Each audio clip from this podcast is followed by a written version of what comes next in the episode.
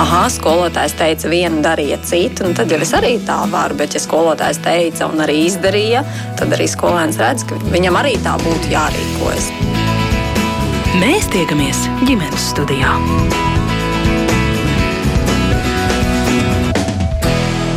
Labdien! Rīt pirmā skolas diena, un šai svētku dienai, protams, sekos ikdiena, kurā būtiski, cik labi skolēni jūtas, vai viņiem ir spēks un vēlēšanās mācīties un pilnveidot sevi arī ārpus obligātajām mācību stundām, jo daudz jau runāts, ka skolēni pašsajūta būtiski ietekmējusi pandēmiju, kad skolēni ilgstoši bija spiesti mācīties attālināti. Arī pagājušais mācību gads, kad mācības klātienē neparedzam mījās ar attālinātu mācīšanos, arī neziņa, kā būs šogad, cik būtiski tiks traucēt apdraudēta ierastā dzīve Covid-19 dēļ un uz cik ilgu laiku, piemēram, tiks paralizēts mācības skolā gaidāmā skolotāja streika laikā. Uz pandēmijas laika ietekmi atskatīties un atgādināt, kāda atbalsta mehānismi pusauģiem un jauniešiem pieejami. Šodien ģimenes studijā palīdzēs Latvijas Universitātes profesore, klīniskā psiholoģija un ģimenes terapeite Baiba Martinsone. Labdien!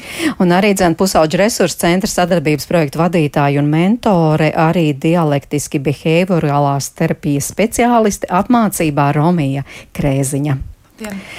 Jā, man sauc Mērķis Notiņu un sarunu sākām par startautisko pētījumu, pusauģu sociālās, emocionālās prasmes, noturību un uzvedības problēmas Covid-19 pandēmijas laikā rezultātiem.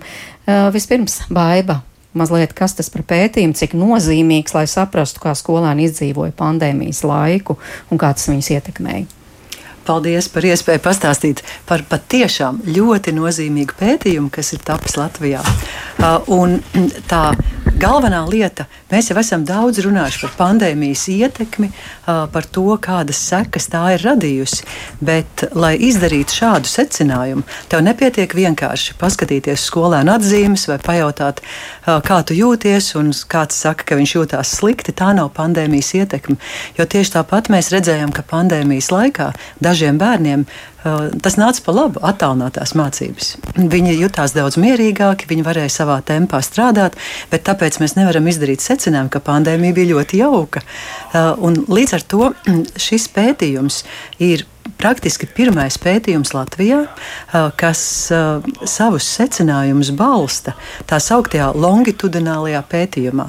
Tas nozīmē, ka mēs nevis vienā punktā pajautājam, cik liels stress tev ir pandēmijā, un, piemēram, pusauģis saka, man ir milzīgs stress pandēmijā, un mēs izdarām secinājumu, ka pusauģiem ir milzīgs stress pandēmijā, un šis ir maldinošs secinājums.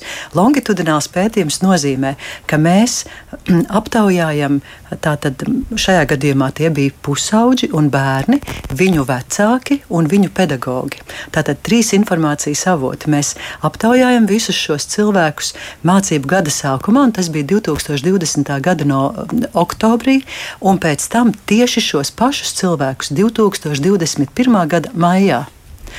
Un līdz ar to mēs varam salīdzināt, kādas izmaiņas šajā laika posmā. Mēs visi zinām, ka 2020. gada rudenī lielākie bērni aizgāja attālinātajās mācībās un vairs neatgriezās līdz mācību gada beigām. Uh, un mēs varam redzēt, tātad, kādas izmaiņas ir notikušas, un uz šī fona mēs varam spriest par to pandēmijas lomu, kādu tā ir nospēlējusi. Un kādas tad ir notikušas? Nu, redziet, un te, te ir tagad vēl jāiezīmē viena cita lieta, ka tad, kad mēs runājam, un arī speciālisti pamatot saka, ka daudzas problēmas ir pieaugušas, ir palicis sliktāk, un jāskatās, kādu, per, nu, kādu perspektīvu mēs ieņemam.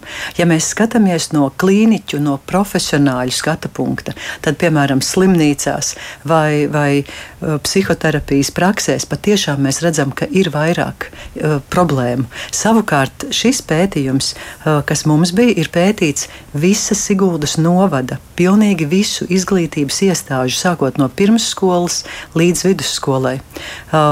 Pilnīgi mēs varam uzrunāt praktiski 95% no, no visiem šiem bērniem, viņu skolotājiem un vecākiem. Tātad mēs sakām, ka tā ir normatīva, parasta tipiska izlase. Tāda pati varētu būt Jālgavas novadā vai, vai Reizeknas novadā.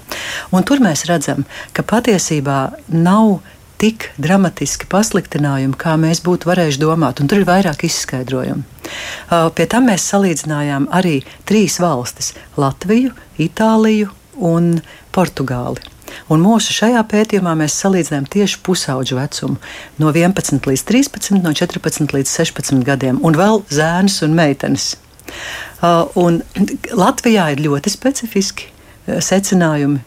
Uh, ka vienīgie pasliktinājumi, kurus mēs patiešām redzam, kas ir tādi nozīmīgi, ir tikai meiteņu grupā.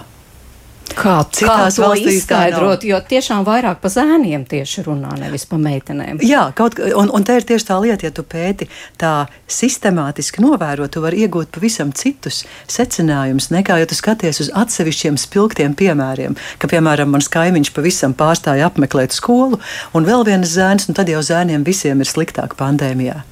Mums ir vairāk izskaidrojumu. Patiesībā, varbūt atgriežoties, mēs pētījām tādus trīs lielus uh, mainīgos. Viena lieta bija sociāla, emocionālās prasmes.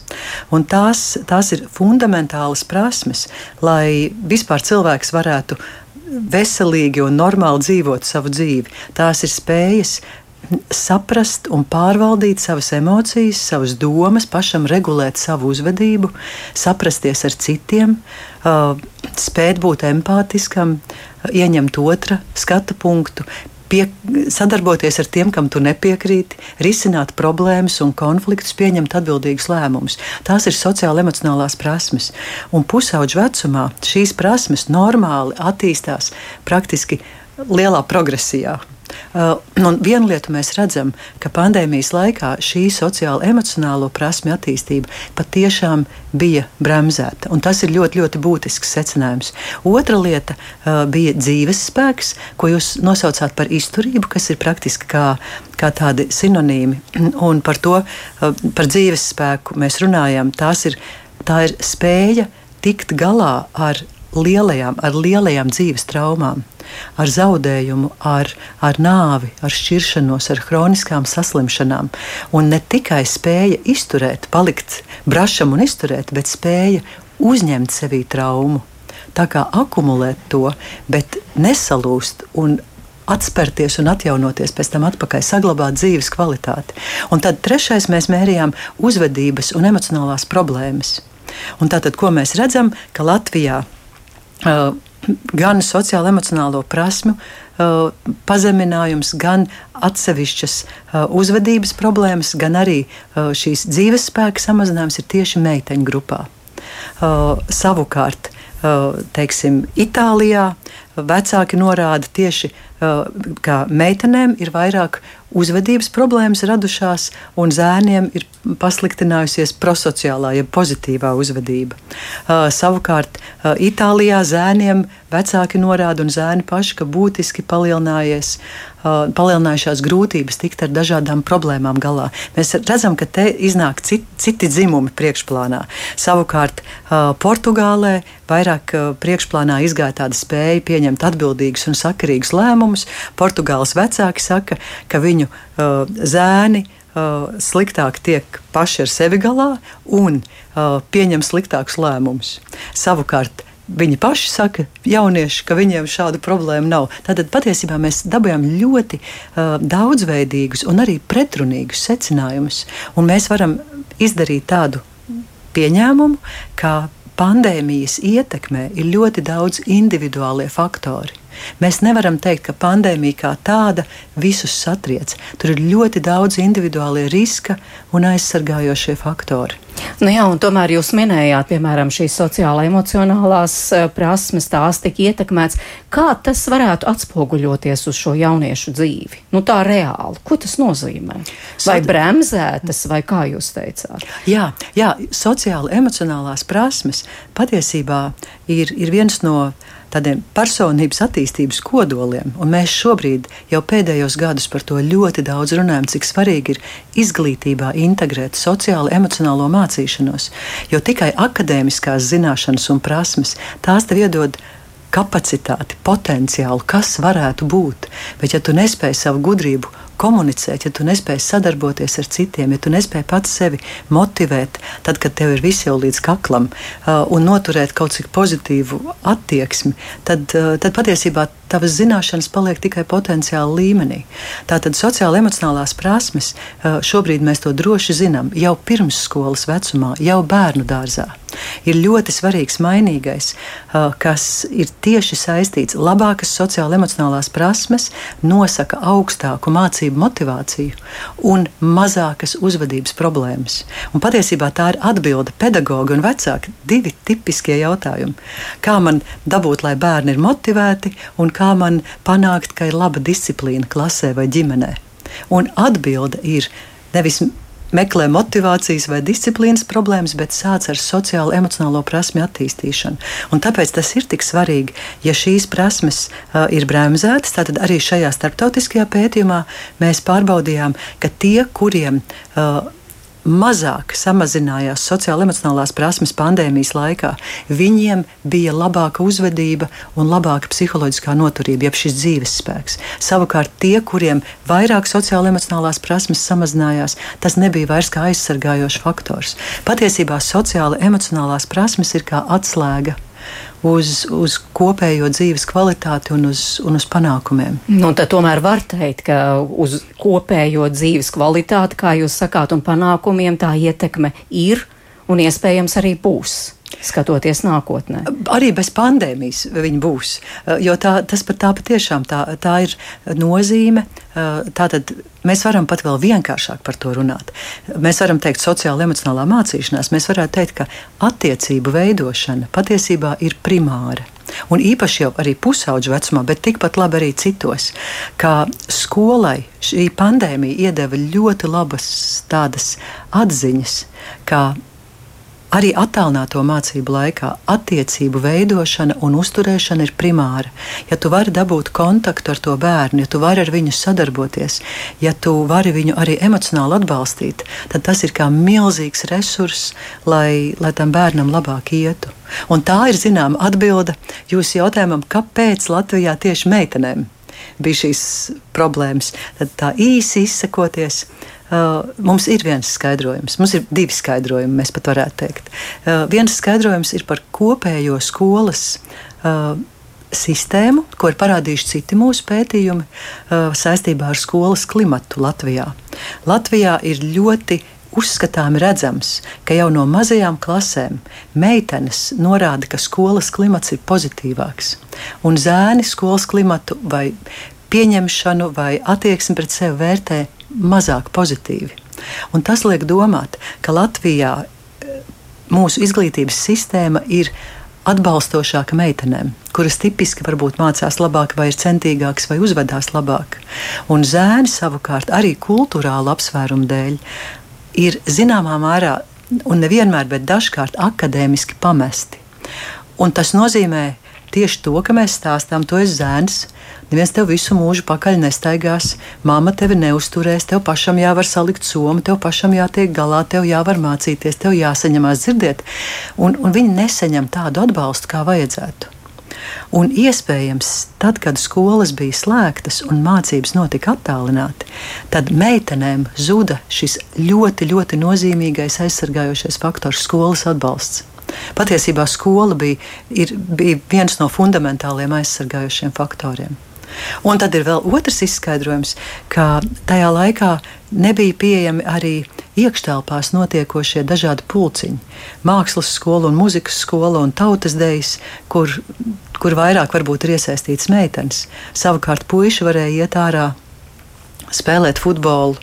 Un vēl ir trešais izskaidrojums, kas mūs atšķir no, no Portugāles un no Itālijas, ka mūsu latviešu bērniem kopumā ja, ja, ja visu skatās kopā latviešu pusauģiem, pandēmijas ietekme bija mazāka.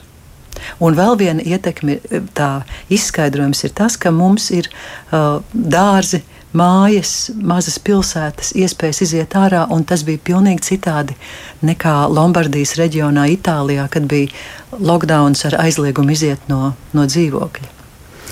Kā uz šo skatās pusauģa resursu centrs, jo, kā mēs dzirdējām jau no Baibas Martinsons, bija arī citi, kas mēģināja saprast pandēmijas laikā, kā tad pusauģiem klājas. Nu, piemēram, 2020. gada nogalē arī pusauģu un jauniešu psihoterapijas centrs aptaujāja vairāk nekā 1660 jauniešu no 12 līdz 19 gadiem un analizēja jauniešu mentālo veselību, un tur tiešām tā kā skanēja tādi fakti, tātad, ka vairāk nekā puses pus, pusauģi atzina, ka jūtas slikti vai ļoti slikti un sastopas ar grūtībām mācīties, piedzīvo uzmācīgas domas, ir, ir vieglāk aizskaitinām nekā parasti un tam līdzīgi. Ko jūs redzējāt pusauģu resursu centrā?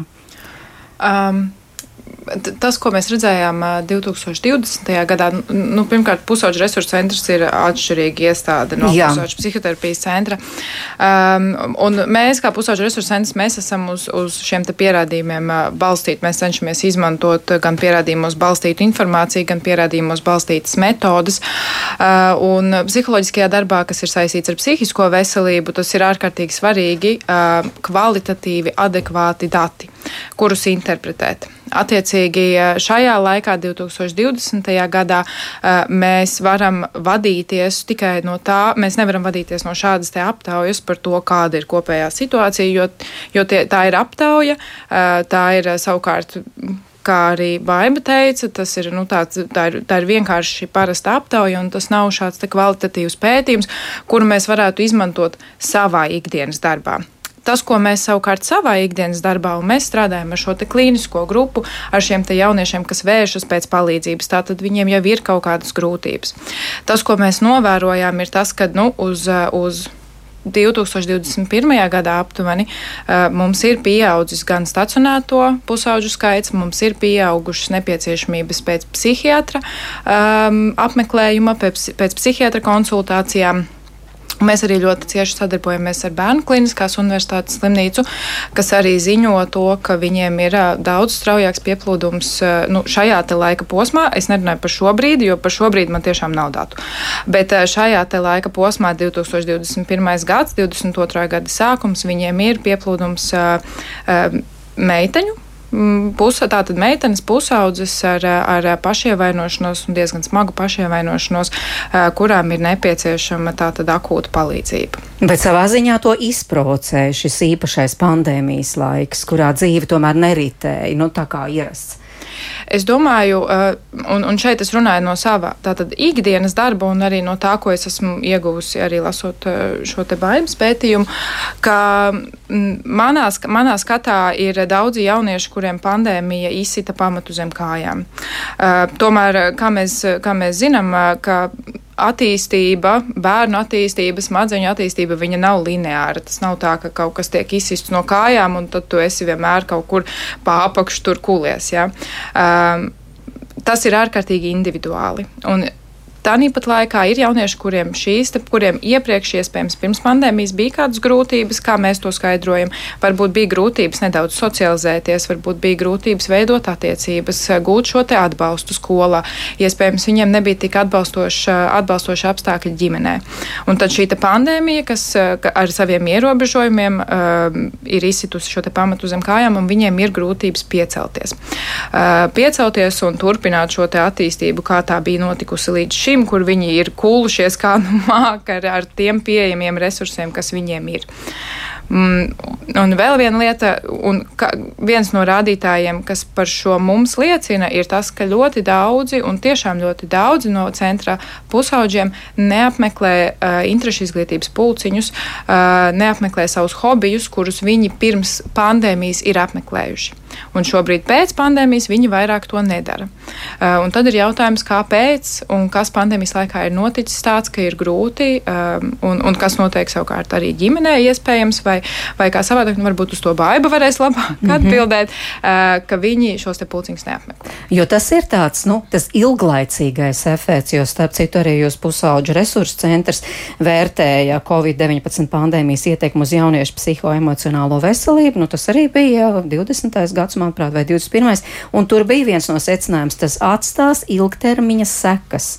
Pagaidām nav zināms, cik nopietnas bet mm -hmm. atstās. Jā, nu, faktiski tas varētu būt viens no piemēriem, ka šis jau nav tā. Nu, tagad, ok, viss tur ir sakārtojies, redz, skaistā vasara un viss beidzās. Mm -hmm. Tiem, kam grūtības radās, Jā. tas tik ātri neatrisināsies. Viena no lietām, ko mēs, ko, ko, ko mēs, ko mēs vispār redzam, nu, jau tādā psihiskās veselības, tādā jau plašākā kontekstā, ka sekas no šādiem te pēkšņiem, intensīviem, iespējams, dažiem varbūt nu, tādiem nedrošības vai, vai, vai nu, es nedaudz baidos teikt, bet nu, tādiem iespējams traumatiskiem apstākļiem, tās sekas nāk pēc tam. Nevis tajā brīdī, kad tas notiek, bet pēc tam. Un tā kā es domāju, ka šobrīd, ja mēs, ja mēs, skatīs, ja mēs skatītos, kāda ir situācija šobrīd, es, es teiktu tā, ka mēs pusauģu resursu centrā mēs aktīvi cīnāmies ar zekām vēl joprojām, lai gan patiesībā pandēmija, nu tāda aktīvā šie te pandēmijas tādi ierobežojumi un tā tālāk, nu viņi jau nav, vi, nu, pa, pa lielam viss pagājušais mācību gads bija daudz maz tādā ierastā ritmā un varētu sagaidīt, ka mums nu, būtu tā kā, nu, rinda samazinātos, nepieciešamība varbūt samazinātos, kā bija, bet patiesībā rinda palielinās, nepieciešamība palielinās, un es domāju, ka šīs ir tās ilgtermiņa ilgtermiņa sekas, par kurām mums ir jādomā par to, kā mēs varam pasargāt jauniešus no šīm ilgtermiņa sekām pēc kaut kādiem traumatiskiem vai tādiem grūtākiem laikiem vai notikumiem. Jā, baiva tiešām jūs varētu papildināt par tām ilgtermiņa sakām. Te bija tāds interesants piemērs, un es patiešām arī zinu, ka tā ar daudziem ir noticis pusauģiem, kuri, piemēram, vairs gāja, bija interešu izglītība, mm -hmm. Un neatgriežas tagad vairs. Ziniet, tas taču ir tik vienkārši. tu esi gājis uz savu, uz savu deju pulciņu un svīdis un svīdis, un, un pēkšņi tev tas laiks ir brīvs nekas jau dzīvē nepaliek tukšs, viss jau ar kaut ko aizpildās. Un, un sākumā ir tā, tā brīnišķīgā sajūta, ka ir tev papildus laiks, un tad tu vari sākt kaut ko un komunicēt ar saviem draugiem vai pavadīt laiku kādās citās nodarbēs. Un, protams, tā, tā iesīkstēšana uh, notiek. Es arī uzskatu, un pilnīgi noteikti to zinu, tas ir arī pētījumos pierādīts, ka ārpusskolas aktivitātēm ir milzīga, milzīga aizsargājoša loma. Bet arī es turpinot to, ko Romija teica par, par to par pandēmijas ietekmi. Pirmkārt, ja mēs paņemtu jebkurā laikā pusauģu grupu un jauniešu grupu un jautātu, kā tu jūties, mēs iespējams iegūtu tieši šos pašus rezultātus, ko jūs teicāt. Ka viss ir slikti, viss ir drausmīgi, neviens man nesaprot. Un tas, ka šo aptauju veica pandēmijas laikā, tam nav nekāda sakara ar pandēmiju. Jo man var arī pajautāt, vai tu jūties tagad sliktāk nekā pirms pandēmijas, un es teikšu, varbūt jā, bet tas arī neko nepierāda. Jo tik, tikpat labi man tās problēmas jau liekas niekas salīdzinoši ar to, kas man tagad ir. Tas ir tāds retrospektīvs skats. Un viena lieta, ko mēs zinām arī no pētījumiem visā pasaulē, ka visvairāk cieta tie, kuri Es, principā sākumā visiem visi cieta pietiekami, bet pēc tam, pēc tā pirmā iekritiena, mēs jau esam sākuši adaptēties, mēs esam jau pielāgojušies. Un tie, kuriem bija kādas grūtības, viņiem tās pastiprinājās. Un vienai daļai tās grūtības nebija atpazītas pirms tam. Mēs vai nu nepievērsām tam uzmanību, vai tas bērns kaut kā labāk funkcionē, vienkārši mēs to nepamanījām. Un tad pandēmijā mēs pēkšņi to pamanījām. Un tad mums liekas, re, ko pandēmija izdarīja. Bet pandēmija vienkārši iznesa to dienas gaismā. Tāpēc arī ir tik svarīgi, te ir vairāki aspekti. Pirmkārt, ko, kas mums ir vajadzīgi, lai nogla, noturētu šo skolas aizsargājošo lomu, mums ir vajadzīga universāla pieeja. Tātad visas skolas pieeja, ka visās skolās un visos bērnu dārzos ir sociāli emocionālo prasmju attīstībai īpaši veltīta uzmanība. Vai nu tās ir speciālas programmas, bet tas nozīmē, ka tas attiecas uz visiem bērniem. Nevis, ka mēs meklējam kaut kādus uh, problēmu bērnus un tad ar viņiem kaut ko darām, bet lai kopumā veidotu pozitīvu psiholoģisko vidi izglītībā. Tā ir viena lieta. Tad otra lieta, kas ir ļoti, ļoti būtiska, kāda ir šī pieaugušo vide apkārt. Vecākam ir sev jāpajautā, vai es esmu visos savā, savas lomas uh, aspektos. Un tie pamatā ir trīs aspekti, kam man jāpievērš uzmanība. Kā es izrādu savam bērnam mīlestību? Mans, tas ir grūts jautājums, kā mans bērns zina, ka es viņu mīlu. Un to nevar tik viegli atbildēt. To varam katrs šodien padomāt. Un otrais, kā es pieskatu savu bērnu, kā es viņu disciplinēju, uzstādu noteikumus un robežas, kas ir vajadzīgs bērna attīstībai un kas arī ļauj bērnam justies mīlētam. Un treškārt, kādu piemēru es rādu savam bērnam kā es sadarbojos ar skolu, kā es atbalstu bērnu mācībās. Jo, ja es kliedzu, ka ir bezmaksas izglītība un es nepirkšu savam bērnam pat zīmolu, un neviens man neko nevar prasīt, tādā veidā vecāks skaidri parāda, ka tas ir strūns, ko tu dari tur skolā. Tas vispār nav nekā vērts. Un, un tad trešais aspekts ir padomāsim par, par pedagoģa lomu, jo pedagogs ir ārkārtīgi svarīgs, lai lai viss tā sistēma labi darbotos. Un tāpēc vajadzētu visādos veidos pretoties tai nozares, izglītības nozares invalidizācijai, kas, kas notiek gadu no gada caur publisku runāšanu, ka visi ir pedagogi ir nospiesti, necienīti, izmantoti, neapmaksāti, upuri un tā tālāk. Šī iemācītā bezpalīdzība. Es ļoti labi zinu, ka liela daļa pedagoģu pretojas tam un nepieņem šo diskursu, bet ir citi, kuri ar lepnumu šo nes kā, kā upuri, un tas pilnīgi nav vajadzīgs bērniem. Lai noturētu mentālo veselību un normālu skolas klimatu, mums ir vajadzīgs, lai skolotājs ietu klasē ar entuziasmu Un es jau tagad dzirdu radioaparātu otrā pusē, kā daži teiks, kas tā pa ņirgāšanos, es ar, man te neviens nemaksā un es iešu ar entuziasmu. Un lai cik tas paradoxāli nebūtu, tieši šo vajag.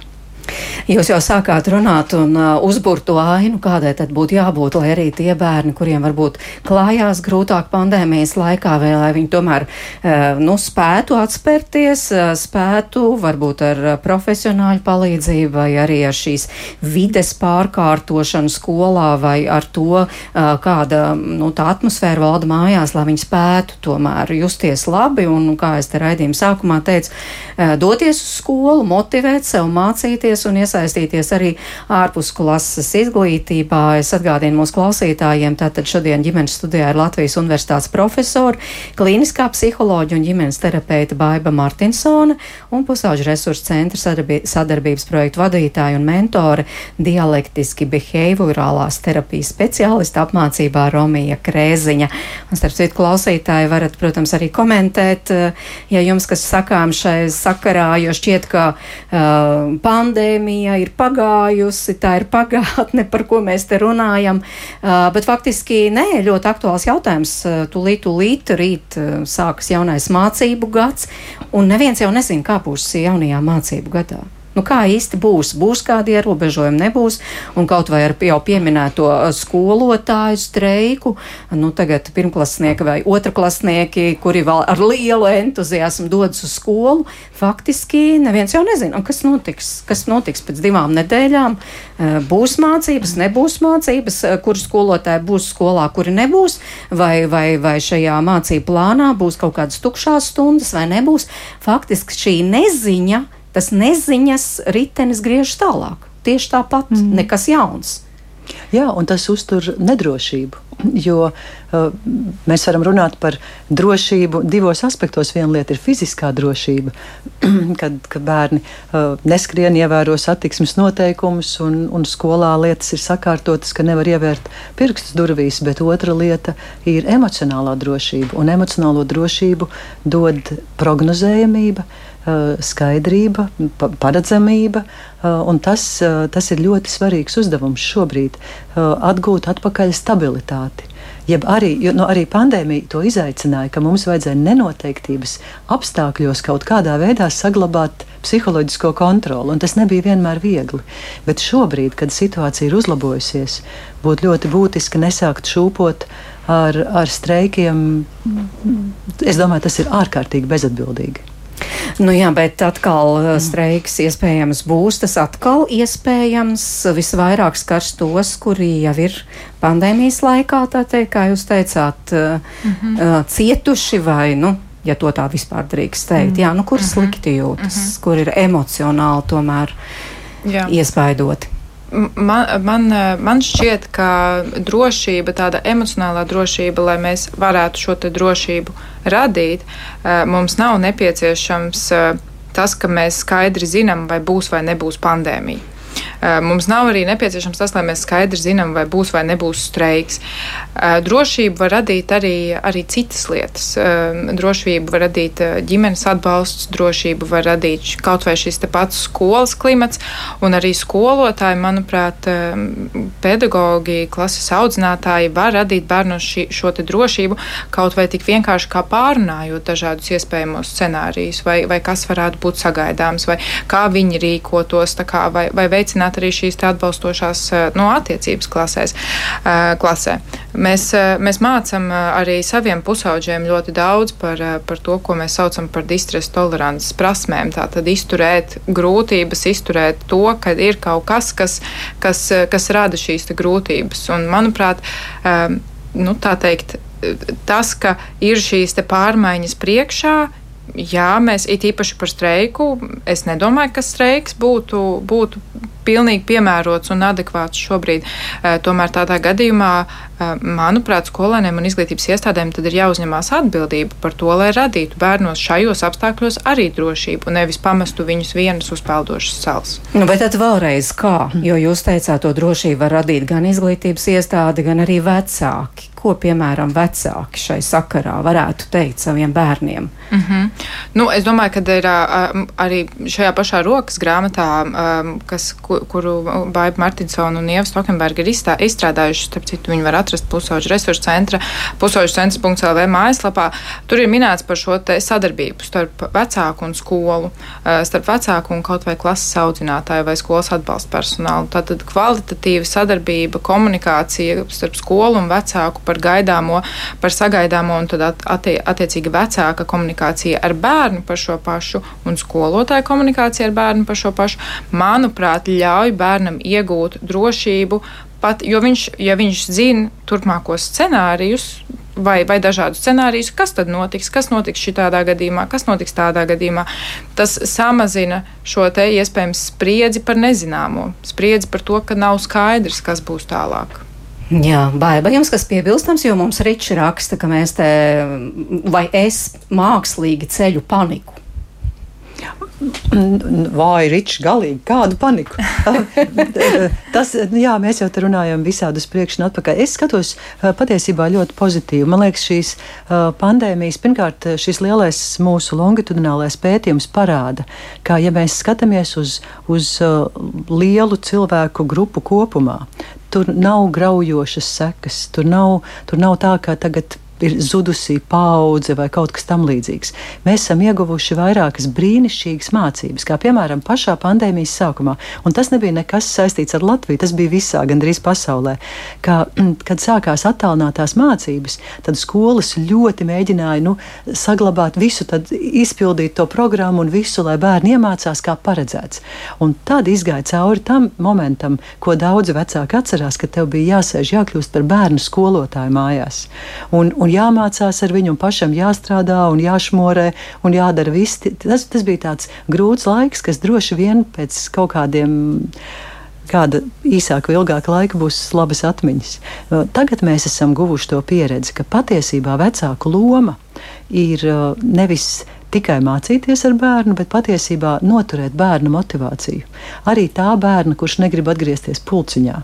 Un, kad es runāju par trim vecāku lomām - mīlestība, pieskatīšana, kontrole un paraugs, tad tas var būt viens no pilnīgi stabiliem uh, nu, kontroles paņēmieniem, ka tu savam bērnam, īpaši mazākiem bērniem, ka tas nav pat apspriežams jautājums, kā ārpusskolas aktivitātēm ir jābūt.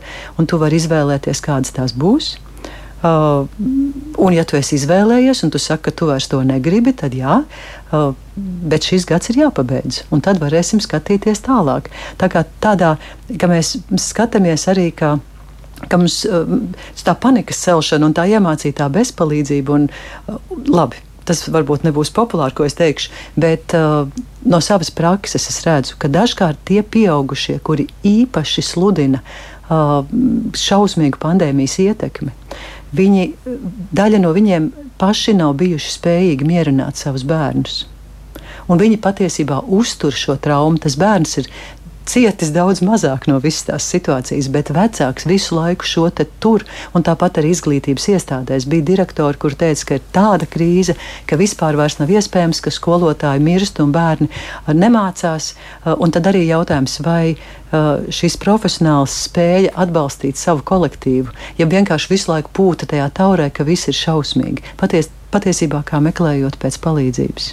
Nu jā, te arī atbalstītāji tas pats Rišķis raksta, viņam trīs bērni apmeklē pirmskolu un skolu, viens ir beidzis augstskolu un par tūkstošu procentiem atbalsta skolotāju streiku, bet Anita, piemēram, problēma ir tajā, ka skol, ir skolnieki, kas tur īkšķi, lai būtu skolotāji.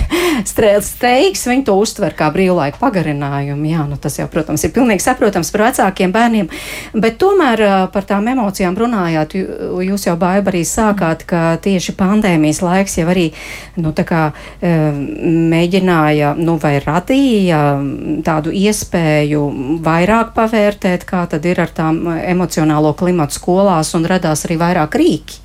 Kā mm. to, mhm. piemēram, noskaidrot? Nu, piemēram, es zinu, mēs arī šeit ģimenes studijā stāstījām, tad, tad eh, parādījās plecs, izstrādāja progra pro, tādu programmu EMU skola, uh, digitāla atbalsta platformu, un tās ietvaros uh, paredzēt skolēnu vecāku un skolotāju elektroniska anketēšanu un rezultātu apkopošanu digitālā platformā, ļaujot ātri identificēt bērnus un jauniešus, kuriem ir nepieciešams atbalsts. Nu, vai arī jūs pati stāstījāt pie mums faktiski arī Latvijas skolās ir iedarbināta tāda Latvijas sociāla emocionālās mācīšanās programma, ļoti plaša, aptver uh, skolēns un bērns no 3 līdz 18 gadu vecumam izglītības iestādēs, un kas ļauj skolām mācīt ne tikai matemātiku, latviešu valodu, bet šīs arī mm -hmm. emocionālās prasmes, kuras arī kā parādījās pētījumā, katastrofāli trūkst un, un arī kuras ir tā centrālā atslēga uz pozitīvu uzvedību, uh, psihisko veselību un uz mācību motivāciju. Tā kā tas ir tāds fundamentāls secinājums, ko mēs zinām, at, atsaucoties uh, uz to rīku, ko jūs minējāt. Tas um, tātad sociāla emocionālā mācīšanās ir kaut kas pilnīgi cits, jo ideja ir tāda, ka mēs veidojam universālu visas skolas pieeju, lai jebkurš bērns, kurš ienāk skolā, uh, viņš tiek ne tikai akadēmiski mācīts, bet arī mēs visi zinām, labi audzināts. Uh, un, un ka viņa personība tiek attīstīta, viņa sociāla emocionālās prasmes tiek mērķtiecīgi attīstītas. Un to var darīt ar šie rīki, kas mums ir izstrādāti, ir piemēram skaidri audzināšanas stundu plāni, kas ir pilnīgi gatavi materiāli pedagogiem. Tu augustā ieliec visas skolas vai bērnu dārza audzināšanas plānā šīs nodarbības. Skolotājiem ir rokas grāmatas, skolotāji ir apguvuši, kā ar to strādāt, un gadu no gada viņi tieši māca nodarbībās bērniem šīs lietas. Tas notiek Ziemeļamerikā, Rietumē, Eiropā, Skandināvijā. Tā ir ikdiena. Un Latvijā mēs par to runājam pēdējās pēdējos 11 gadus, un šobrīd jau arī vispārējās izglītības likumā tas tiks iestrādāts. Pieminot to rīku, ko jūs teicāt par to skrīningu, tur ir problēma, da, daža problēma. Pirmā, kas varbūt nav tik liela problēma, bet kas nedaudz atspoguļo mūsu pieeju izglītībā. Ja te kādam kaut kas ir, mums viņš jāatrod un jāārstē. Tā ir simptomātiskā pieeja arī medicīnā. Ja tev sāp galva, iedošu tev tabletes galvas sāpēm, bet patiesībā nav svarīgi, kas vispār notiek, kādā sistēmā tu dzīvo un kas ar tevi ir. Un labi, mēs atradīsim tos bērnus ar kaut kādu aptauju, kuriem būtu vajadzīga palīdzība, bet tālāk ir nākamais fundamentālais jautājums, kāds ir šīs palīdzības saturs, kur ir šie, šīs komandas, šie kompetentie cilvēki un zinātnieki, kuri ir izstrādājuši saturu zinātniski pierādītu, pierādījumos balstītu saturu, kas patiešām šiem bērniem palīdzēs. Jo, ja es tagad anketēšu un sapratīšu, ka man klasē viens bērns ir, ir, ir paguris, izsīts un demotivēts, tad man jāzina, ko ar to darīt. Nevis vienkārši tagad tu ies pie skolas psihologa. Mm -hmm. Romija, jūs domas, jo tomēr pandēmija tieši uzjundīja šo vajadzību nu, ka vajag arī par tām emocijām domāt, un arī skolas vidē tas ir būtiski. Par, par emocijām vajag domāt. par emocijām un reflektēt par emocijām, jo vairāk, jo labāk. Mēs radot, arī izstrādājot un, un mēģinot komplektēt kaut kādus piedāvājumus un meklējot dažādas prevencijas programmas, nu, tādas profilaks programmas gan mentālajai veselībai, gan uzvedības traucējumiem, tas, pie kāda secinājuma es esmu nonākusi, ka nav nekas sliktāks, kā komplektēt kaut kādus grupas no īpaši izdalītiem kaut kādiem cilvēkiem, un tad šīs grupas komplektēt, un tad viņi visi skolā kaut kur pēc stundām, zin, savācās tādi, nu, ar savu vēl konotāciju vai ne par to, kuri ir tie, kas tur savācās. Un tad ar viņiem tur nu, strādāsim, vai ne? Kaut vai pavisam vienkārši piemērs iedomājieties, ja jūs darbā tagad par kaut kādām, nu, pilnīgi, nu, jūs strādājat, jūs iespējams darat tik labi, cik jūs varat, un tagad apkārtējie, visi apkārtējie jūs sāk novērtēt kā jūs to darat, un salīdzināt, kā tu vai, vai, vai piemēram, tu strādā labāk par tavu kolēģi. Uh, kā tas liek mums pašiem justies, ka mēs esam salīdzināti, ka mēs um, iespējams mums vēl pēc tam tiek piedāvāts īpaši atlasītajiem, uh, tā teikt, jocīgajiem, tiek piedāvāts kaut kādas programmas. Tas pirmkārt tev. Tu kā bērns un arī kā pusaudzis, tu pirmkārt saproti to, ka ar mani laikam kaut kas nav kārtībā, Un, uh, un, un šī, šī, šī sajūta, ka ar tevi kaut kas nav kārtībā, tu no šīs sajūtas īsti līdz galam tā patiesībā nemaz nevari atbrīvoties. Ne? Vienmēr tev liksies, ka Jā, man tur toreiz skolā man izpildīja mamma un skolotāja, un es izpildīju tādus testiņus, jā, un es noskaidroju, ka es esmu no visas klases tas vienīgais, kuram ir nepieciešams tagad sākt tur kaut kur staigāt. Um, ja mēs domājam par atbalstu bērniem ar mācību traucējumiem, bērniem ar dažādām citām grūtībām, ieskaitot emociju regulācijas grūtībām vai uzvedības traucējumiem, uzvedība, ja mēs domājam tieši konkrēti par uzvedību, uzvedība notiek konkrētā vidē. Ja, ja nav šīs vides, tad mēs ar uzvedību patiesībā pat nevaram strādāt. Tātad, jebkurā gadījumā, ja mēs domājam par uzvedības traucējumiem, tad darbs notiek klasē, tur, kur ir šie uzvedības traucējumi, tajā brīdī, tajā vidē. Savukārt par citiem mācīšanās traucējumiem, piemēram, es neredzu, kāpēc būtu nepieciešama šāda sistēma, jo es domāju, ka jebkurš vērīgs skolotājs var redzēt, ka kādam bērnam ir grūtības un ka viņam ir nepieciešams iespējams kaut kāds papildus atbalsts. Nu, bet šī plašākā programma, sociāla emocionālās mācīšanas programma. Šī programma atšķirās ar to, ka tā ir visaptveroša. Visa skola, visi bērni kopā šo te mācās. Tas nav, ka mēs izdalām kaut kādus konkrētus bērnus, kuri tagad ies uz socioemocionālo prasmu treniņu, un tad pārējie varēs, varēs neko nemācīties. Tā ir, tā ir, pavisam, savād, tā ir pavisam savādāka, nu tā teikt, uzbūve. Un arī mēs, pusauģu resursu centrā, mēs kā, kā sabiedrībā balstīti pakalpojumu psihiskajā veselībā, mēs strādājam jau ar bērniem, ar kuriem ir grūti, kuri, kuriem jau ir grūtības un kuri Viņi ir paši sevi atpazinuši, ka viņiem ir grūtības, ka viņiem ir nepieciešama papildus palīdzība. Viņiem ir vecāki iespējams atpazinuši, ka ir nepieciešama kāda speciālistu piesaiste. Dažkārt tas te ir, tie ir kādi dienesti vai, vai, vai iespējams izglītības pedagogs. Tātad šo palīdzību ir iespējams, šāda veida palīdzību ir iespējams saņemt un, un būtu jābūt iespējams to saņemt sabiedrībā balstītos pakalpojumos. Tomēr skolā, manuprāt, skola kā, kā vieta, kas nodrošina tātad, šo arī psihoemocionālo izglītošanu, tad šajā gadījumā ir jābūt šīm te prasmēm, šīm te spējām, šīm te rūpēm par mentālo veselību ir jābūt tādām kopējām un visaptverošām. Un, protams, Atsevišķi, mm -hmm. ja tas ir nepieciešams atbalsts mācību traucējumos, bet nevis tā, ka mēs nodiagnosticējam, vai tu lasi pietiekami raiti, un ja tu nelasi, tad tev ir. Bet, eh, bet savādāka veida, tātad eh, savādāka veida atbalsts, kas ir, kas ir domāts visiem. Nu jā, Baibi, jūs esat viena no radītājām, šīs īpašās programmas radītājiem, kur tiešām visi tiek aptverti mm -hmm. no 3 līdz 18 gadu vecumam, tātad no bērndārs līdz skolas vecumam, un uh, jauniešus vienkārši izglīto. Nu tad atpazīsti, kas ar tevi notiek, ko ar to darīt, kaut vai teorētiskā līmenī, un tur jau tā ķēdīt ir pats bērns atpazīst, un tad jau tālāk var meklēt palīdzību. Bet mm. vai tas ir tikai kā ieteikums, vai jūs teicāt, tā tad šobrīd tiek virzīts, lai šādas programmas tiktu ieviestas visās skolās? Šobrīd vispārīgās izglītības likumā jau otrajā lasījumā ir ietverts arī viens no punktiem, ka, ka izglītības iestādes arī pienākums ir nodrošināt bērnu un tātad kā tur ir droši vien rakstīts, izglītojamo, sociālo, emocionālās uh, kompetences, sistēmisku attīstību. Tas nozīmē, ka skolas pienākums ir tam pievērst uzmanību un nevis tikai spiest uz atzīmēm, uz reitingiem, jo te ir vēl pavisam uh, tāda plašākā perspektīvā mēs varam skatīties. Ļoti lieli jautājumi ir, kādus vēl pakalpojumus nodrošināt, kādas mums vajag intervences programmas, kā mums vajag tur uh, darīt šo vai to, lai uzlabotu uh, cilvēku psihisko veselību. Viena no atziņām ir, ja būs attīstītas kopumā sabiedrībā cilvēkiem sociāli emocionālās prasmes, tad cilvēki viens otram jau būs spējīgi sniegt arī atbalstu. Ka tev nav ieraugot, piemēram, ka bērns raud, tu pats viņu vari nomierināti. Tev nav tūlīt jāsauc uh, psihologs, jā, jāmeklē kāds vai jāvaino valsts, kas nenodrošina tev pakalpojumu. Patiesībā tu pats esi daudz spējīgāks gan saprast, gan atpazīt citu problēmas, gan arī sniegt palīdzību.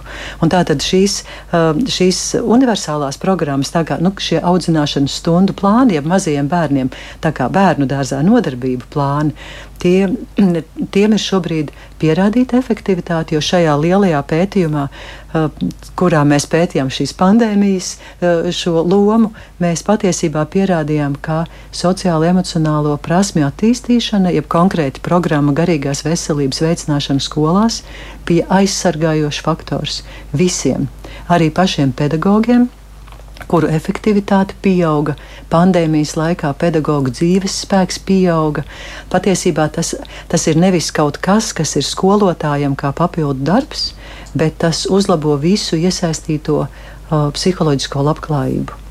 Jā, starp citu, arī jūs pieminējāt pedagogiem. Par pedagogiem es arī gribēju jautāt vairāk par skolēniem, skolēniem, bet būtiski, lai arī pedagogi justos labi skolā. Un, starp citu, mums arī Agnes raksta, uh, Esmu vairākus gadus strādājis skolā, tieši tādēļ man ļoti uztrauc šī skolotāja upura tēlu kultivēšana, kurai ir ļoti tālajošas negatīvas sekas, proti tā ilgtermiņā burtiski atgrūž jauniešu no pedagoģa profesijas.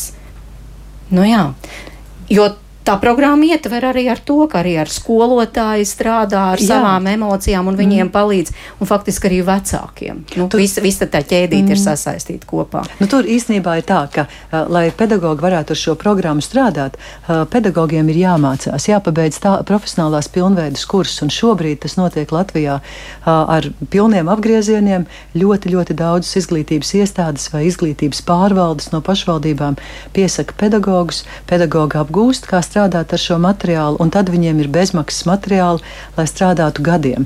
Un, un pierādījums ir tas, ka, ja pedagogs šos materiālus, ja šādu pieeju izmanto savā praksē, tad arī netiešā veidā pedagoga psiholoģiskā labklājība tiek veicināta. Atgriežos pie tā, ka esam uz sliekšņa, sāksies atkal jauns mācību gads. Kā jūs redzat, Romija, vai vajadzētu vēl vairāk skolās domāt par šo emocionālo tādu labsajūtu, lai tiešām tur labi justos visi, gan skolēni, gan skolotāji. Varbūt kādas jaunas ierosmes un idejas. Es, es pilnīgi noteikti esmu par to, ka mums ir skolās tiek ieviestas uh, dažādas uz pierādījumiem balstītas uh, programmas un metodikas, lai veicinātu mentālo veselību. Uh, tas ir sākot no socioemocionālajām prasmēm, beidzot arī ar mums, piemēram, ļoti svarīgu tēmu. Uh, es zinu, ka socioemocionālās prasmes pēc jūsu samazina šo te bulīngu, bet tāpat laikā mūsu skolās ir arī diezgan, diezgan kritisks bulīnga līmenis. Uh, uh, antibullying programmas, socioemocionālo prasmu programmas, un tad iespējams vēl atsevišķi kaut kādas mazās, mazās lietas, piemēram, atkarību profilakses. Tātad, lai, lai seksuāla reproduktīvā, starp citu, mācība, um, tā ir īstenībā uh, diezgan uh, nu, tāda ak aktuāla pro, uh, problēma mūsu centrā, kur mēs redzam, ka jauniešiem tik tiešām ir ļoti liela interese, un viņi īstenībā neko pārāk daudz nav apguvuši tajā skolas vidē. Tātad šādas te visas mazās programmas, bet eh, nav jēgas izšķiest naudu, taisot, eh, un šeit es tādā politiskā līmenī varbūt runāju, taisot eh, jaunu iepirkumu pēc iepirkuma, neiz, nu, var vienkārši kaut ko, kaut kādām vadlīnijām vai, vai, vai kaut kādiem, bet mums ir jābūt skaidriem kritērijiem par to, ka šai te programmai, šīm te lietām, ko mēs ieviešam, viņām ir jāsniedz kaut kāds efekts, un tam efektam ir jābūt pierādītam. Tad vai nu mēs taisam paši savu un pierādam efektu un tad ieviešam, ieviešam, vai arī tad ņemam kādas lietas, kas jau ir, kas jau ir izdarītas, kas jau ir pierādījušas savu efektivitāti, un tās ieviešam Latvijā. Bet, uh, bet mēs esam ļoti, es teiktu, mēs esam ļoti ilgi muļājušies ar dažādām uh, mazām tur vadlīnijām un, un, uh, un mazām tur programmiņām, kas tiek izstrādātas, bet viņas netiek izstrādātas tātad zinātniski un efektīvi, un neviens arī netestē, vai viņām ir kaut kāds labums vai nav, godīgi sakot. Jā, baiva vēl jau vairāk ņemot vērā to, ka tiešām skolotāji trūks. Nu, tomēr tā vide ir tāda saspringta un daudz uzņemas tur darīt vairāk nekā paredzēts, un līdz ar to mazāk laika paliek visam citam. Tad ko tomēr vajadzētu noteikti padomāt? šajā mācību gadā? Man ir dažas domas. Arī par to skolotāju trūkumu. Tas arī ir tāds nu, tāds liels trumpis, ko varētu mest galdā, bet tajā pašā laikā attālinātās mācības mums iemācīja, ka tu vari risināt šo jautājumu. Ja, tajās, ja tavā skolā trūkst kāds skolotājs, tad pašvaldības ietvaros ir iespēja kooperēties, ir iespēja uh, veidot arī attālinātas nodarbības bērniem. Tu vari dabūt stundas pie labākiem skolotājiem. Vienkārši vajag sākt plānot savādāk. Nevis vienkārši ie, iesēsties uz to, ka man trūkst pedagogs, tāpēc vai nu es neko nevaru, vai arī man jāņem uh, jebkas tajā vietā, lai tikai tur kāds strādātu. Uh, varbūt vienkāršāk ir skatīties uz to, ka uh, ne, nevis tikai uzlabot uh, psiholoģisko klimatu, tas izklausās diezgan bailīgi un daudz. Varbūt no otras puses, kā varētu domāt, kā samazināt stresu skolā un izglītības iestādēs. Un tas attiecas uz visiem. Jo viena daļa arī no šiem uh, būlinga un vienaudžu vardarbības lielajiem reitingiem augstajiem negatīvajiem reitingiem Latvijā. Viens no izskaidrojumiem ir tas, ka skolā ir pārāk liels stresa līmenis visiem. Stress daudzkārt ir daudz bieži vien ir toksisks ka tu esi pastāvīgā stresā, lai iet uz skolu, kur tu slikti jūties, lai, lai mācītos, kur tev nesanāk. Skolotājs ir atbildīgs par sasniedzamo rezultātu. Skolotājiem ir stress, kā viņš var tikt galā ar visiem saviem darbiem, un re, rezultātā tas toksiskais stress sagandē visu. Un tāpēc pārskatīt prioritātes, ja skolotājiem ir jāuzņemās papildu darbi, tad bieži vien ir vajadzīgs vairāk domāt par darbu dalīšanu, par skolotāju sadarbību. Nevis ka katrs viens savā klasē izstrādā materiālus, krenķējās par jauno izglītības saturu, bet tikpat labi skolotāji var dalīt darbus. To pierādīja pētījumi attālinātajās mācībās ka efektīvāki bija tie skolotāji, kur nevis katrs savā klasē vadīja attālināto stundu, bet kooperējās. Nu, rekā arī daudz jaunas ierosmes, protams, mm. nes šis pandēmijas laiks, tā kā cerēsim, ka uh, tas ir ņemts vērā un arī šis labais tiks liks lietā. Paldies, es saku Baibai Martinsonai no Latvijas Universitātes un Romijai Krēziņai no Pusaužu resursu centra. Paldies jums, ka klausījāties. Ilza Zvaigzne, raidījuma producentu un es Mērits Notiņu pie mikrofona. Rīt, rīt ir 1. septembris. Tas man jāatgādina. Mēs ģimenes studijas komanda dodamies uz Liepāju, lai piedalītos Liepājas Rāņa sastās vidusskolas pirmās skolas dienas svinībās. Kā mums tur būs gājis, to klausieties rīt 5 minūtes pār diviem. Visu labu!